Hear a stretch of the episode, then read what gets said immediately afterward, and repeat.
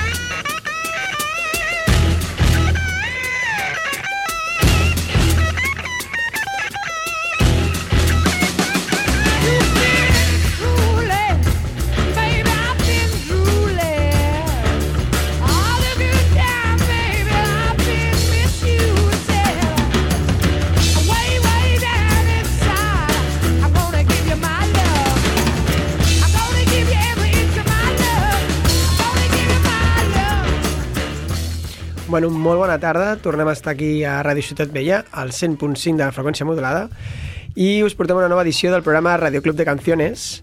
Eh, com sempre, l'Edu ens ajudarà com a tècnic de so a tirar endavant aquest programa, i aquest cop compto amb la inestimable presència de dos companys molt, molt apreciats, que a més, un és l'Oriol, que ja va venir a fer l'hora del Heavy fa un temps, L'hora del Heavits, bona tarda, què tal? i l'altre és el Messi, que ens porta avui també, juntament amb l'Oriol, una sessió de metal, veritat? De metal, sí, ho hem parlat abans, metal. Molt bé, doncs jo ara ja, com que és un tema que controleu molt més vosaltres, us deixo que presenteu les cançons i porteu el programa. Bueno, com ara mateix quan estàvem una mica discutint com seria l'ordre, la falca les cançons, parlant amb l'Oriol d'Ostres, la primera cançó que he sentit, una cançó segurament que molta gent reconeixerà, eh, Led Zeppelin, Whole Lot of Love, i parlava amb ell, diu, hòstia, diu, és una cançó que, com a 60, parlàvem del, de la psicodèlia, Jimi Hendrix, Janis Joplin, diu, als 70, ens dona molt la imatge de que era, de que era l'essència que van ser els 70, política i, i culturalment. I si bé, i també m'ho ha dit, diu, hòstia, és, eh, Led Zeppelin, hard rock, heavy metal... I, hòstia, aquesta l'he escollit jo, dic, és molt bona, i a vegades potser hem de no ser tan ortodoxes. No, no, i tant. No, al, al final els noms i les etiquetes són un problema. Eh, és difícil.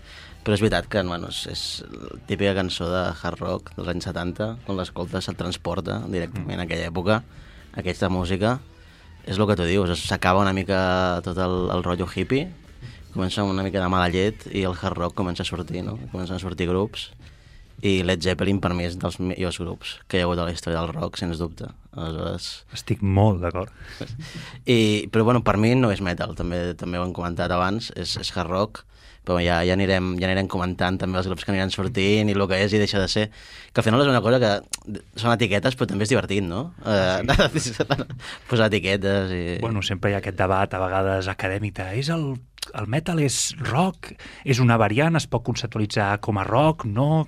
Dic, on fas, diguem-ne, la barrera, la frontera entre això és rock, hard rock, i això és metal, un gènere totalment diferent de música? Mm. Sí, sí, ho anirem discutint, segurament. Um, no sé si volem ja començar a ficar la següent cançó, potser? Sí, jo aniria per Traia. Jo crec que aquesta, tant tu com jo, estarem molt d'acord que és metal, però pur i dur. Al principi, és al principi, és el... Sí, sí, no, no, ara ho veurem, ara ho veurem. Sí, sí, ara en parlarem de, del grup. I tu cançó que seria eh, Black Sabbath, Paranoid. Bueno,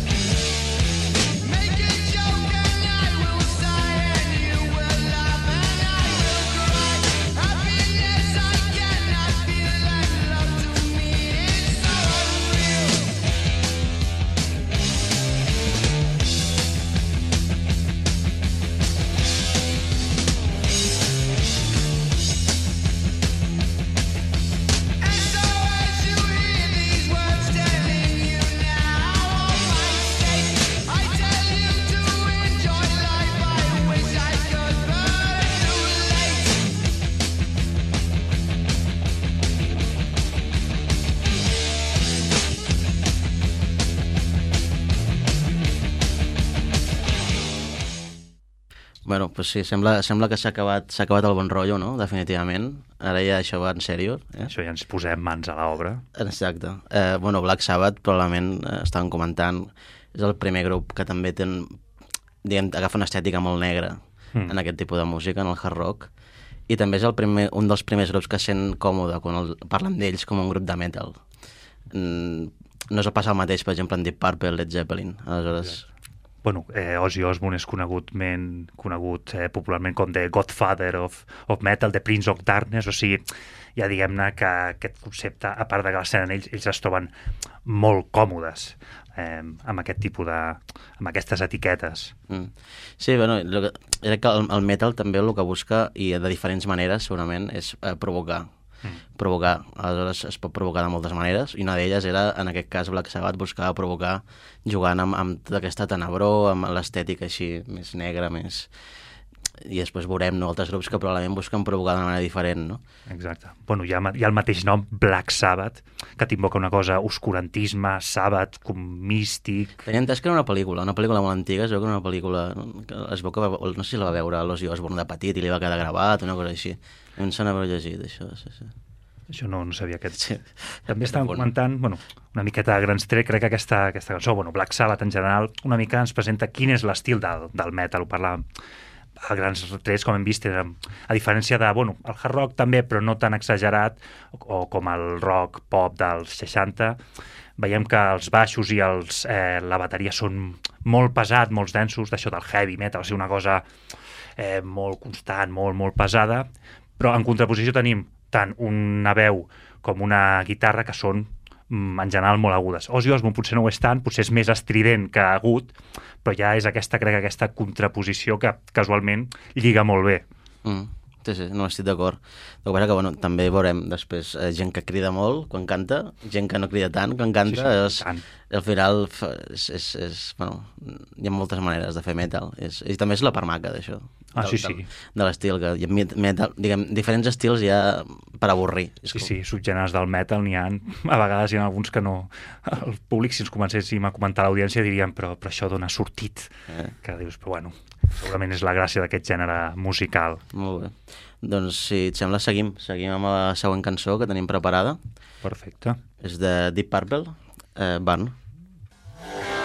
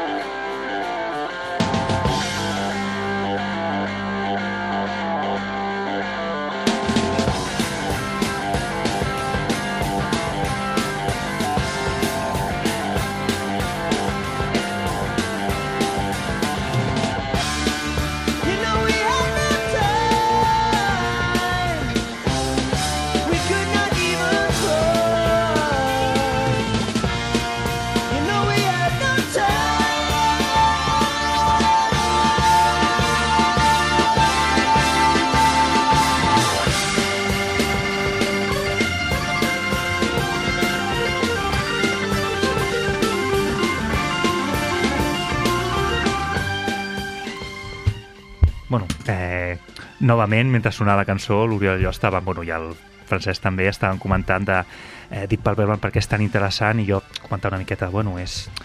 A les cançons anteriors hem vist una miqueta que era molt rústic, per dir-ho, bueno, finament, que és una guitarra, un baix, una bateria, una veu, però aquí ja comencem a, com hem vist, hi ha dues guitarres, hi ha un teclat i ell parlava, clar, és que és una mica, el metal provoca és el virtuosisme.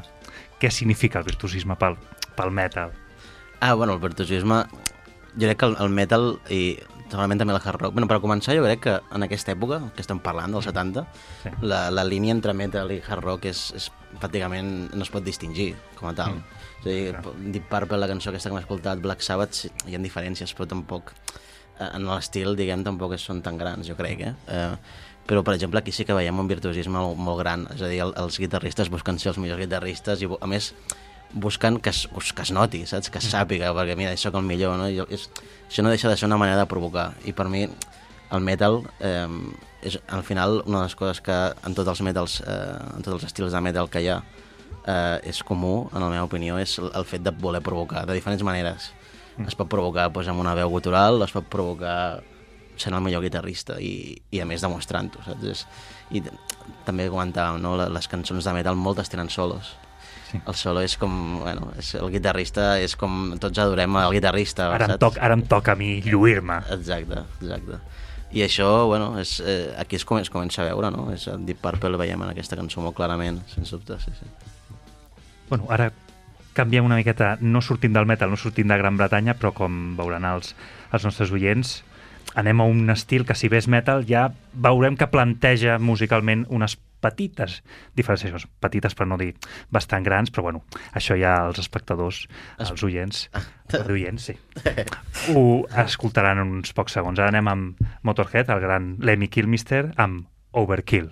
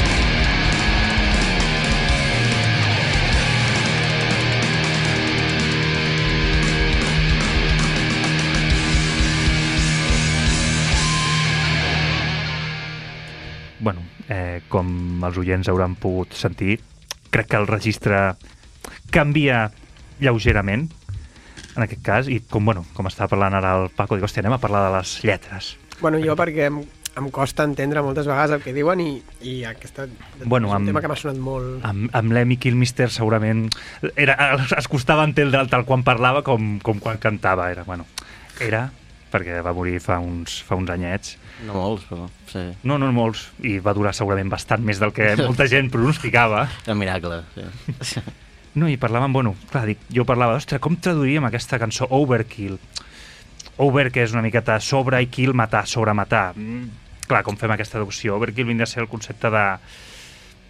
És que és complicat, o sigui, s'entén, però la traducció una mica al català-castellà és complicada. Però crec que amb el, amb el que més arrima la cançó de què va tot és una miqueta de, de l'accés, o sigui, accés de matar, accés de tot, de la foscor, de la nit... O sigui, crec que aquesta cançó és més fàcil d'entendre musicalment amb la, amb la tonalitat que no amb la lletra, Vale. per nosaltres.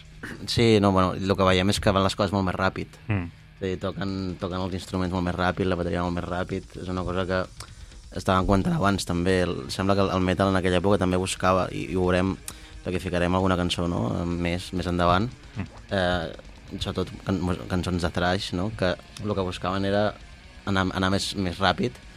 No sé si fins a cert punt tenien influència també dels grups del punk, que el punk, no? que sota el punk britànic que va sorgir també van conviure durant molt de temps no? amb el hard rock i, i amb el metal del principi i agafaven, s'agafaven coses uns als altres. Llavors eh, segurament va influenciar molt el punk també en el, en el hard rock i en el metal el fet d'anar tocant cada cop més ràpid eh, i ser més agressius, més contundents. Llavors aquí, jo crec que en el cas de Motorhead es, es veu clarament aquesta, aquesta intencionalitat, no?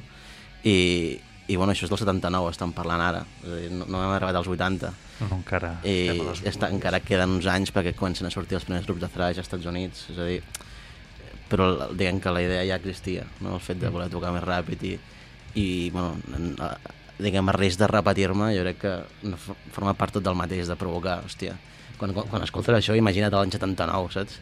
O aquells, durant aquells anys, eh, la gent es devia tornar boja, saps? Estan acostumats a escoltar els Beatles feia 10 anys, o no sé, es devien dir, perquè, saps? Es treia els cabells, saps? Jo, Què està, pas- què està passant aquí? Segurament fins i tot més els pares que els fills que deien, ostres, que el que Llavors- escoltàvem nosaltres, el que escolten ara ells, dius, ostres, que com ha canviat tant la música en, en un període de- d'això, deies 10-15 anys. Mm.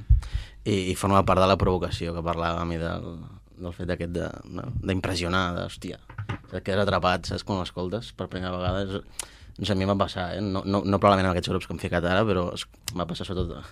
És, això és una vivència personal, que la, la col·loqui al mig. Eh?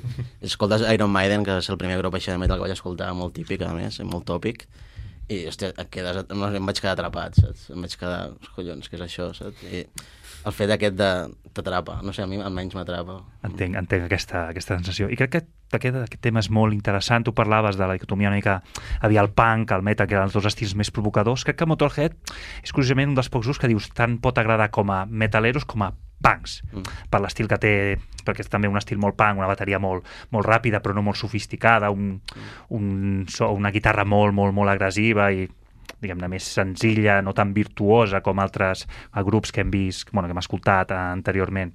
Dic és curiós que un, un altre estil de música que pots dir, bueno, que al final també les músiques al final agafen similituds i es van nutrint d'unes de l'altres, però que dos estils de música que potser tan antagonistes per l'època conflueixin també amb un, amb un grup. Mm. No, i més teníem frontman Motorhead, que era l'hòstia. I, era, i era la provocació pura, a més.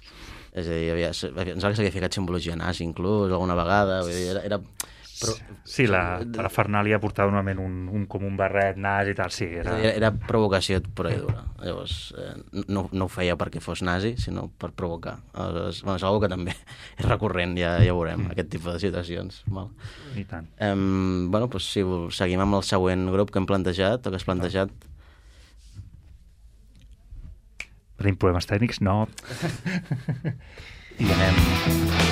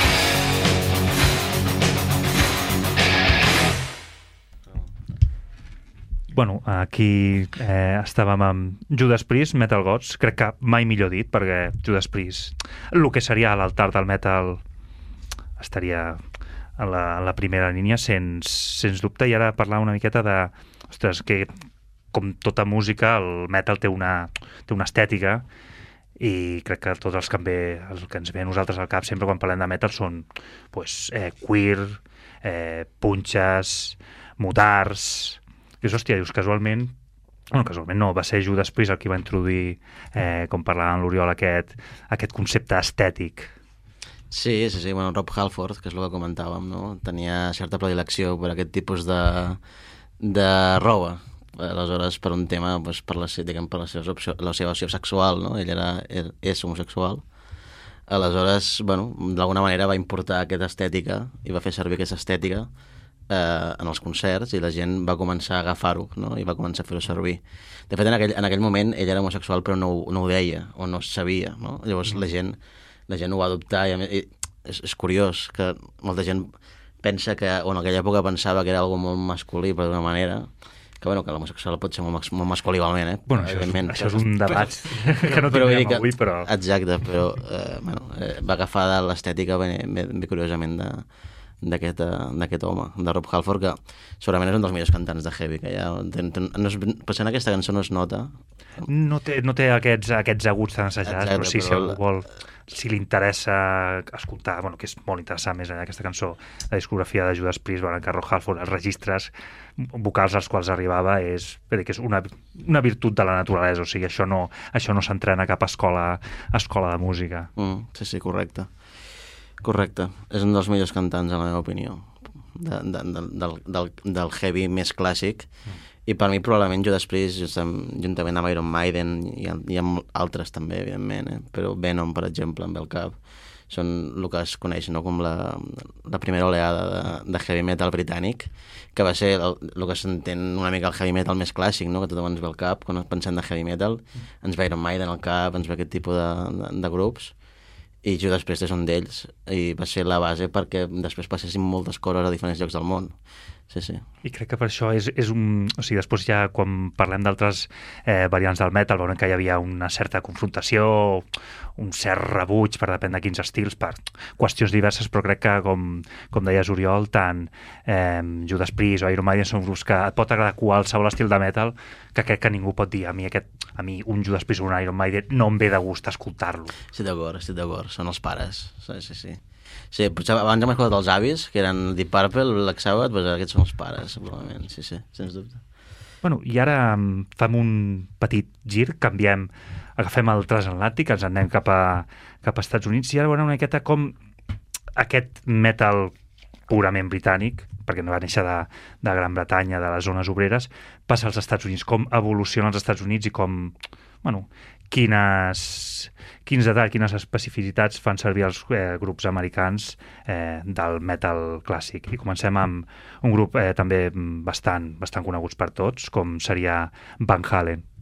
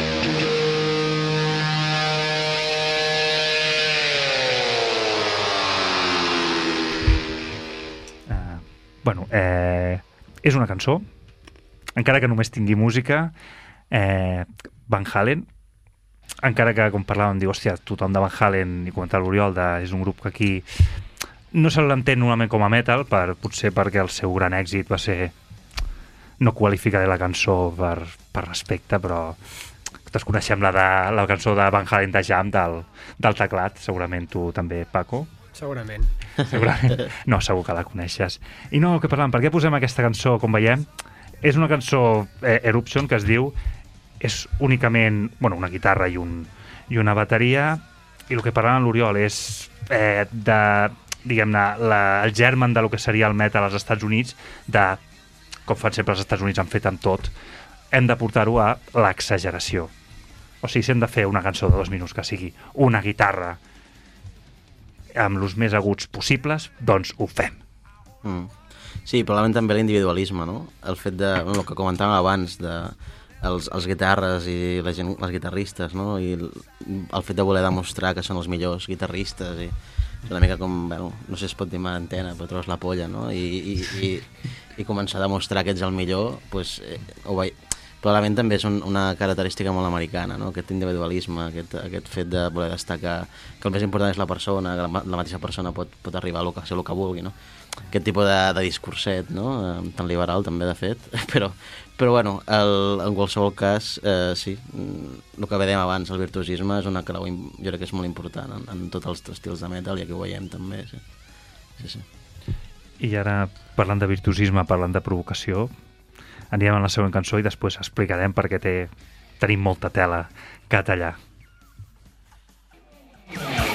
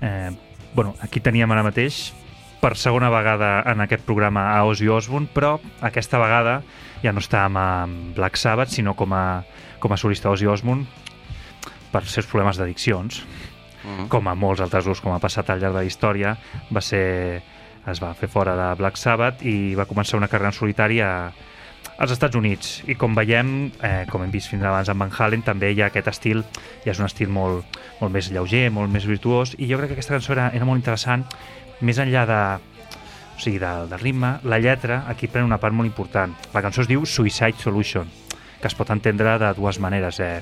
La suïcidi és la solució o Solution com a una solució química. Per què? Perquè aquesta cançó parla de eh, Bon Scott, el, eh, el malaurat eh, cantant de, de CSA, el primer cantant que va morir al 80, bueno, d'una ingestió alcohòlica. I aquesta cançó va provocar, diguem-ne, un gran rebombori perquè va haver un noi als Estats Units que es va suïcidar i casualment el que estava escoltant era aquesta cançó i això va crear el rebombori, una mica aquest estigma de el metal ens està matant els nens. Sí, sigut, és típic, no? És recurrent. Això després ha passat amb altres, amb altres cantants de metal, també. I jo sempre, bueno, el- quan, quan passen aquestes coses recordo Marilyn Manson, que també bueno, és, és, un, és un personatge també interessant, però bueno, el, el, ell, ell, ell quan, quan li comentaven aquests temes, no escolta que hi ha nens que potser es poden suïcidar amb les seves cançons, i el que deia, diu, bueno, i Romeo i Julieta és un llibre, i molta gent l'ha llegit i l'està llegint, i també es podia fer certa apologia no, del suïcidi amb Romeo i Julieta, no? Aleshores, al final és una cosa que és, és un tema molt recurrent aquest, però precisament per el que parlàvem i em torno a repetir, no? el fet de provocar pues, provoca que hi hagi aquestes reaccions també, no? I, i en aquest cas pues, eh, pues van tindre problemes. No? Mm. Sí, i una cosa crec que també és interessant, com veurem, amb, amb l'estil americà, a diferència potser una mica del britànic, eh, els americans, com amb tot, van de cara. O sigui, i veurem que les lletres, sobretot amb el glam metal, que introduirem ja bueno, d'aquí poc a la següent cançó, és, eh, ja no estem parlant dels anys 60 quan els Beatles deien Love Me Do o I Wanna Hold Your Hand o Led Zeppelin Hold Our Love. No, no, no. Ja diuen directament les coses pel seu nom. El pan pan i el vino vino. I si hem de parlar del suïcidi, si hem de parlar de cardar, literalment, ho diuen. I no tenen cap eh, problema en fer-ho. Endavant, doncs, amb la següent cançó. Que veurem que és molt explícita.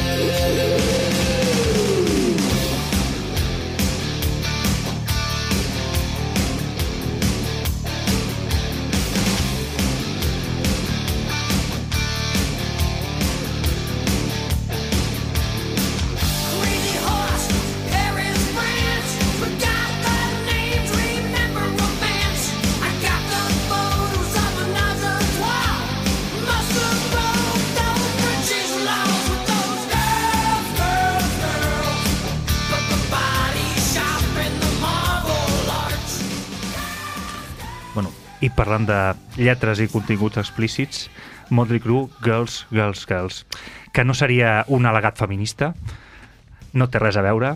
Girls, Girls, Girls, parlem d'una cançó que és un grup de striptease.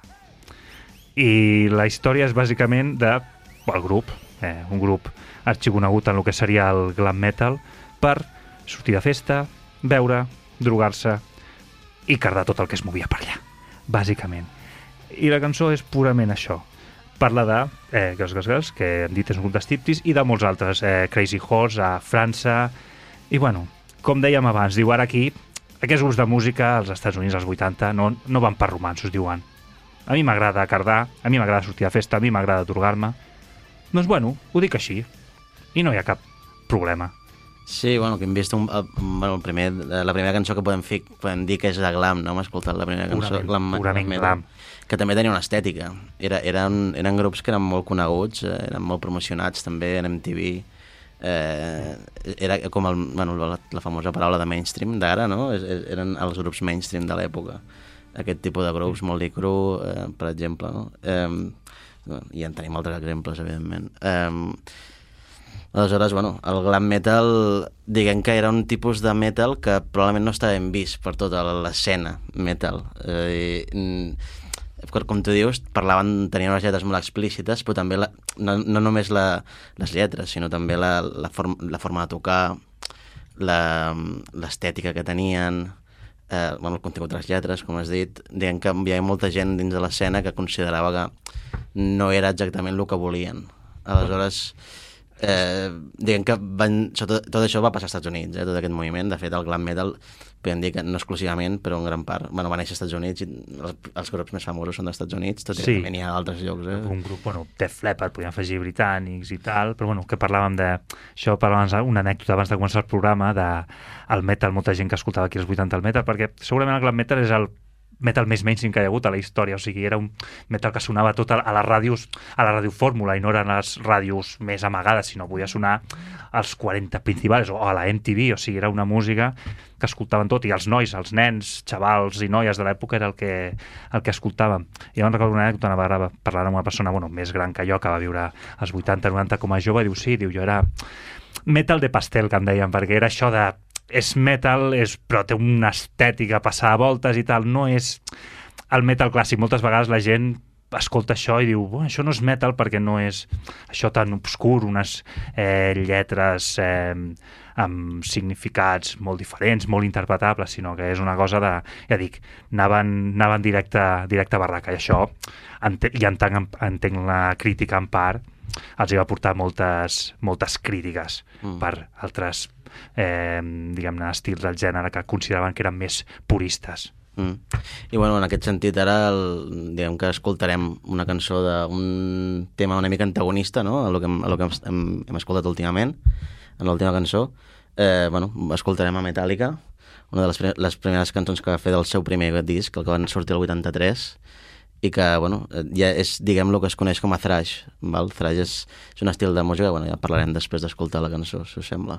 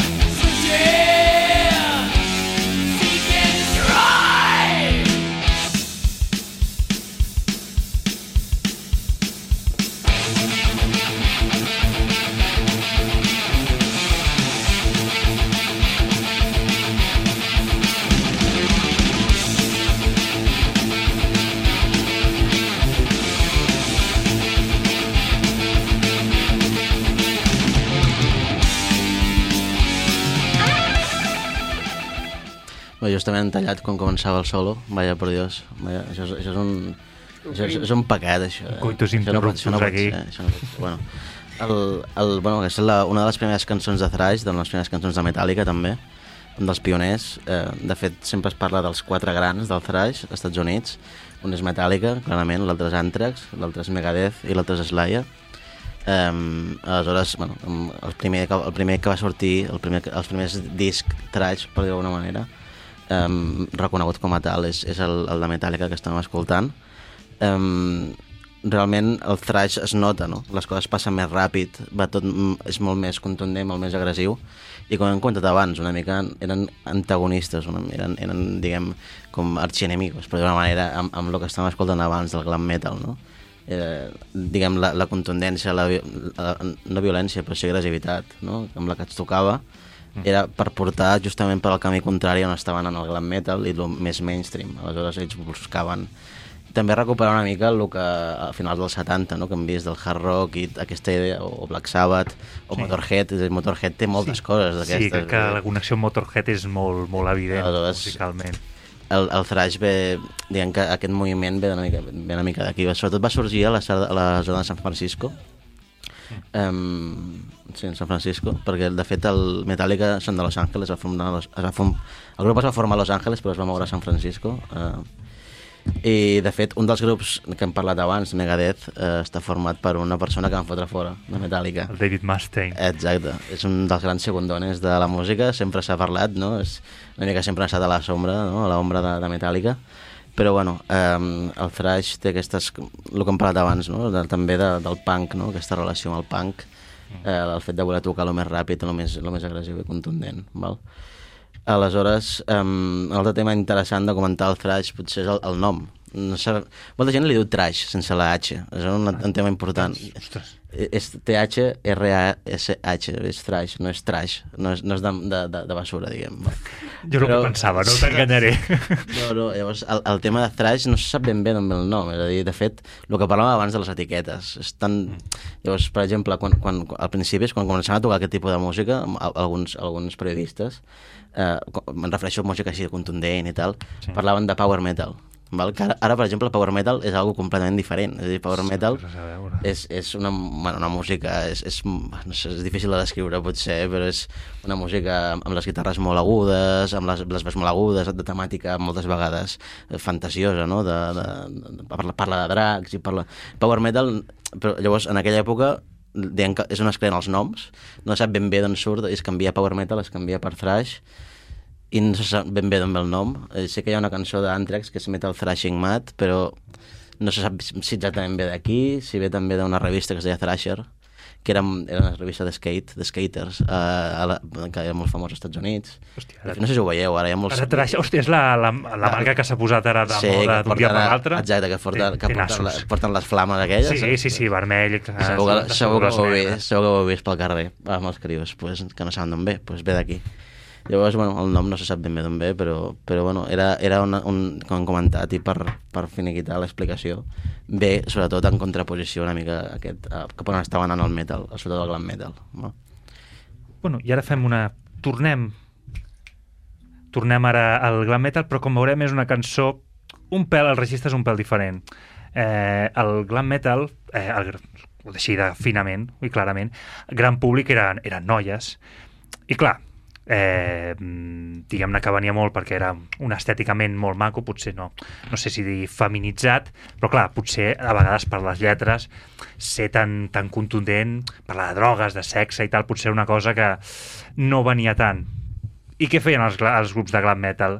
L'estratègia musical era molt senzilla, l'estratègia comercial era primer posem la cançó animalada, la cançó, una, una no diré una power, un power metal, no sé, una cançó eh, molt estrident, i després continuar amb la balada, perquè els metals eren metaleros, però també tenien el seu cor. Claro, sí, sí. I com veurem amb aquesta cançó d'un altre dels grans eh, grups coneguts del glam metal, com és Poison, eh, bé, és una balada. No, és, no està malament, no ens enganyarem, però bueno, és una mica ensucrada, per dir-ho finament, que es diu eh, Every Rose Has Its Thorn.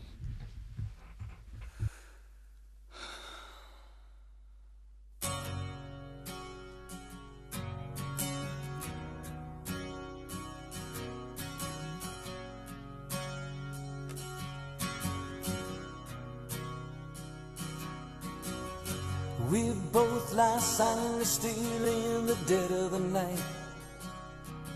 Although we both lie close together, we feel miles apart inside.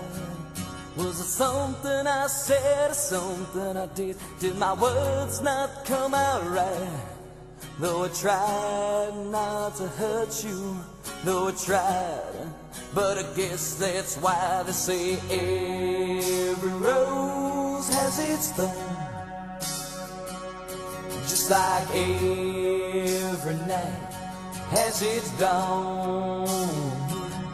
Just like every cowboy sings a sad, sad song. Every rose has its thorn.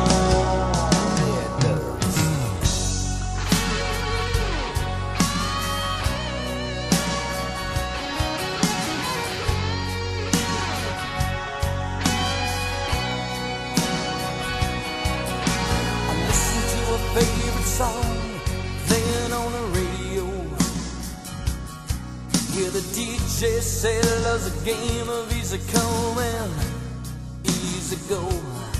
But I wonder, does he know? Has he ever felt like this? And I know that you would be here right now if I could have let you know somehow. I guess every rose has its thorn. Like acabem de, acabo de comentar, hem vist que... A veure, no, no és una mala cançó, té un estil diferent, veiem que comença amb una guitarra acústica, però és molt ensucrada. A veure, com diu el títol de la cançó, Every Rose Has Its Thorn, cada, qualsevol rosa té, té espines, i per això és una miqueta com parlàvem abans la dicotomia de fem una, una cançó estrident, una cançó molt explícita, una cançó on bueno, parlem de, de tots, de temes que podien ser tabús per l'època sense cap tipus de pudor i amidament, però fem una cançó maca del pobre noi, que l'han deixat, que la seva nòvia és una mala persona, per no dir una altra paraula, i que el noi pateix, i que clar, toca la guitarra. Jo crec que és molt interessant perquè amb les cançons de les power ballads normalment havia això, aquesta... la guitarra acústica com una cosa més sòbria, d'allà entra la part més, més personal, una cosa molt més senzilla, una cosa no tan estrident, no tan maquillada, mai més ben dit parlant del glam metal.